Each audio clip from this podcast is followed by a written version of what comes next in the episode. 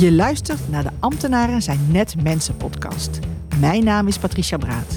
En als veranderdeskundige met inmiddels 20 jaar ervaring sla ik de brug tussen ambtenaren en actieve inwoners. In deze podcast ga ik in gesprek met specialisten en deel ik mijn eigen kennis en ervaring, zodat jij als gemeenteambtenaar geïnspireerd wordt om met plezier en enthousiasme jouw werk echt betekenis te geven. Heel veel luisterplezier.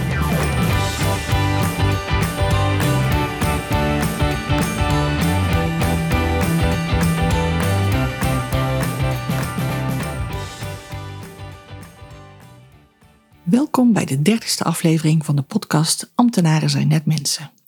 In deze podcastserie wissel ik interviews met interessante ambtenaren af met persoonlijke vlogs. In het voorjaar van dit jaar heb ik steeds een persoonlijke reactie gegeven op een thema wat tijdens het interview van de week daarvoor ter sprake kwam. Maar dit najaar heb ik besloten om het iets anders aan te pakken en het nog iets persoonlijker te maken. Want ik ben tenslotte ook net een mens met mijn eigen onzekerheden, fouten, overtuigingen en inzichten. En ik ben ervan overtuigd dat anderen kunnen leren van de ervaringen die ik de afgelopen jaren heb opgedaan met veranderingen. Vooral omdat ik merk dat de meeste mensen het heel erg moeilijk vinden om te vertellen dat ze ergens onzeker of bang voor zijn, of dat ze iets fout hebben gedaan. En ik ben er ook van overtuigd dat de wereld een stuk mooier wordt als we allemaal ook erkennen dat niet altijd alles goed gaat, dat iedereen fouten maakt en dat het oké is om je af en toe rot of onzeker te voelen. En dan is het uiteraard belangrijk dat ik dat zelf ook laat zien, ook in deze podcast. Dit jaar word ik 56 jaar. Ik heb niet zoveel met leeftijden en ik heb ook geen enkele moeite met ouder worden. Ik geniet er eigenlijk best wel van. Ieder jaar word ik weer wat wijzer en leer ik mezelf steeds beter kennen. En kom ik meer in balans en wordt het leven daardoor ook wat makkelijker. Wat voor mij al mijn hele leven essentieel is, is dat ik moet blijven leren. Ik hou niet van stilstand, niet in mijn werk, maar ook niet in mezelf.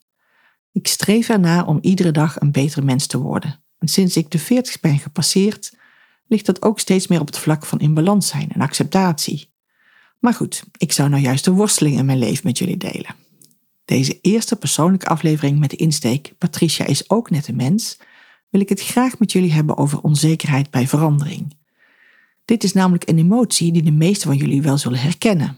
De meeste mensen worden namelijk heel blij van een situatie waarin je weet wat je kunt verwachten, waarin je in de basis het gevoel hebt dat je controle hebt over een situatie. En als het gaat over een veranderingsproces binnen een organisatie, dan raakt dat vaak veel mensen in hun bestaansrecht. En komen er gevoelens en gedachten op als: heb ik over een half jaar nog wel een baan? Kan ik deze nieuwe manier van werken leren? Of word ik op een plek in de organisatie gezet waar ik niet meer kan doen wat ik wil doen? Niet zo gek dus dat je hier onzeker van wordt. En bij veel verandertrajecten zijn er in het begin veel geruchten, maar wordt er heel onduidelijk gecommuniceerd over het proces. En dat werkt dan weer een eigen invulling van wat er gaat gebeuren in de hand. Uiteraard merk ik in mijn werk dat een verandering binnen een organisatie bij heel veel mensen juist onzekerheid oproept. En dat is logisch, want de zekerheid die je eerst wel had over je werk valt ineens weg. Een verandering in een organisatie kan niet alleen consequenties hebben voor de inhoud van je werk, maar ook of je nog wel een baan hebt na verloop van tijd. Toen ik het thema onzekerheid bij verandering ging onderzoeken bij mezelf, kwam ik eigenlijk tot de conclusie dat ik wat betreft veranderingen in mijn werk niet zo heel vaak onzeker ben geweest. Uiteraard heb ik net als iedereen mijn hele leven op bepaalde momenten onzekerheid ervaren. Ben ik wel goed genoeg? Kan ik dat wel? Word ik wel geaccepteerd? Etcetera. Maar als het gaat over onzekerheid over verandering in mijn werk, dan heeft dat over het algemeen nooit echt onzekerheid opgeroepen. Dus waarom heb ik daar dan minder last van? Ik heb in mijn eigen carrière meer dan tien reorganisaties of andere veranderingsprocessen meegemaakt. Bij een aantal werd er over of voor mij beslist, maar bij veel van deze veranderingen had ik ook een rol, soms als manager en leidinggevende of als adviseur. Dus ik ben eens dieper gaan duiken in de veranderingen waar ik zelf ook geen actieve rol had, maar er voor mij werd beslist. In mijn jonge jaren had ik qua werk behoorlijk wat zelfvertrouwen en leefde ik het mantra van Pippi Langkous. Ik heb het nog nooit gedaan, dus ik denk dat ik het wel kan.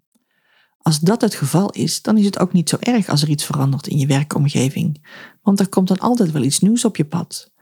Bovendien had ik privé nog niet echt veel verantwoordelijkheid. Dus ook dan is het niet zo erg als je werkomgeving verandert. Ik ging iedere verandering dus met behoorlijk wat zelfvertrouwen in. En ik denk dat dit juist ervoor zorgde dat ik altijd weer nieuwe kansen kon creëren. Sterker nog, in het begin van mijn carrière had ik juist de neiging om zelf de verandering op te zoeken. Als het werk te makkelijk werd of ik het idee had in een sleur te komen, dan ging ik nieuwe uitdagingen zoeken. Soms betekende dat meer verantwoordelijkheid en soms een nieuwe baan. Als ik wel eens tegen een grens aanliep en ik door stress thuis uitriep dat ik voortaan een makkelijke baan zou gaan zoeken, dan zei mijn man altijd: Dat heeft geen zin, dan ben je nog steeds binnen een half jaar manager van die organisatie. Verandering betekende voor mij dus leren en persoonlijke groei. En daar word ik blij van. Maar ja, daar hebben jullie natuurlijk niets aan als dat voor jullie niet zo werkt. Daarom besloot ik nog iets dieper te graven. Wat gebeurde er nou met mij in die situaties waarin er iets veranderde, maar het niet zo liep als ik dacht? Bijvoorbeeld die keer dat ik allemaal onverklaarbare lichamelijke klachten kreeg en in het ziekenhuiscircuit helemaal werd doorgelicht en ze niets konden vinden. En ik van het kastje naar de muur werd gestuurd en ik al zoveel verschillende specialisten mijn lijf had laten doorlichten dat ik me niet meer prettig in mijn eigen lijf voelde. Of die keer dat ik een baan had aangenomen en het niet de juiste keuze bleek te zijn voor mij, maar dat ik dat niet wilde toegeven en daardoor steeds verder in de problemen kwam. Ik hou er namelijk niet van om op te geven, dus had ik de neiging om tegen beter weten in door te blijven gaan en vooral nog harder te werken. Ja, allebei die keren vond ik de verandering niet leuk en werd ik er ook heel erg onzeker van, omdat ik voor mijn gevoel er niets aan kon doen en ik maar in mijn hoofd die gevoelens van onzekerheid bleef proberen op te lossen. Je blijft in je hoofd maar hetzelfde cirkeltje ronddraaien en daardoor wordt het gevoel van onzekerheid steeds sterker. En toen kwam ik tot de conclusie dat de oplossing ligt in het zetten van stappen. Niet in je hoofd blijven zitten, maar het gevoel in je lijf erkennen en de eerste stappen zetten. In het geval van de lichamelijke klachten lag dat in het erkennen van de grote stress die ik op dat moment ervaarde en die mij dus letterlijk ziek maakte. Ik stopte dus met allerlei onderzoeken, erkende dat er geen lichamelijke oorzaak was en dat ik een andere werkomgeving moest zoeken. En in het geval van de verkeerde baan nam ik ter plekke ontslag, ook al had ik nog geen andere baan. En drie maanden later kreeg ik een geweldige nieuwe baan bij een heel ander bedrijf. En ik realiseer mij dat dit nu heel makkelijk klinkt, maar ik kan jullie verzekeren dat het dat in de praktijk zeker niet was. En het heeft mij in ieder geval geleerd dat er altijd andere stappen te maken zijn. Ook in situaties waar je geen mogelijkheden ziet en je het gevoel hebt dat er van alles voor je wordt beslist. Dus besef dat ook al denk je dat het negeren van die gevoelens van onzekerheid voor een verandering op je werk je helpen om door de dag heen te komen, op de lange duur worden die gevoelens alleen maar sterker. Dus onderzoek die gevoelens en praat erover met anderen. Je gevoelens onderkennen en erover praten is een enorme kracht die niet alleen jezelf helpt, maar ook iedereen die erover vertelt. Want als je in jullie organisatie in een verandertraject zit, dan is de kans groot dat die collega of die leidinggevende die erover vertelt ook onzeker is. Probeer dan in zo'n gesprek ook heel duidelijk te zijn wat je nodig hebt om je minder onzeker te voelen. En vraag dat ook aan anderen. En probeer het te zien als een leertraject waardoor je zelf kunt groeien. Veel mensen die ik de afgelopen jaren heb begeleid zijn uiteindelijk op een veel betere positie terechtgekomen, waar ze meer plezier hadden in hun werk. Ik wens jullie allemaal veel momenten van wijsheid toe. En luister vooral ook eens naar je gevoelens en wat minder naar je hoofd. Je zult verbaasd staan van de nieuwe inzichten die dat kan opleveren. Ik vind het leuk om jullie ervaringen met onzekerheid te horen. Wat heb je ervan geleerd en hoe ben je ermee omgegaan? Stuur mij een berichtje of reageer onder de post in LinkedIn. En je mag mij ook altijd benaderen als je nog vragen hebt of inspirerende verhalen. De podcast is te beluisteren op Spotify, Apple Podcast en Google. Tot de volgende podcast. Dit was weer een aflevering van de podcast Ambtenaren zijn net mensen. Heel erg bedankt voor het luisteren. Je kunt je abonneren op de podcast via je favoriete podcast-app, zoals bijvoorbeeld Apple Podcast of Spotify. Was het een interessante aflevering voor je?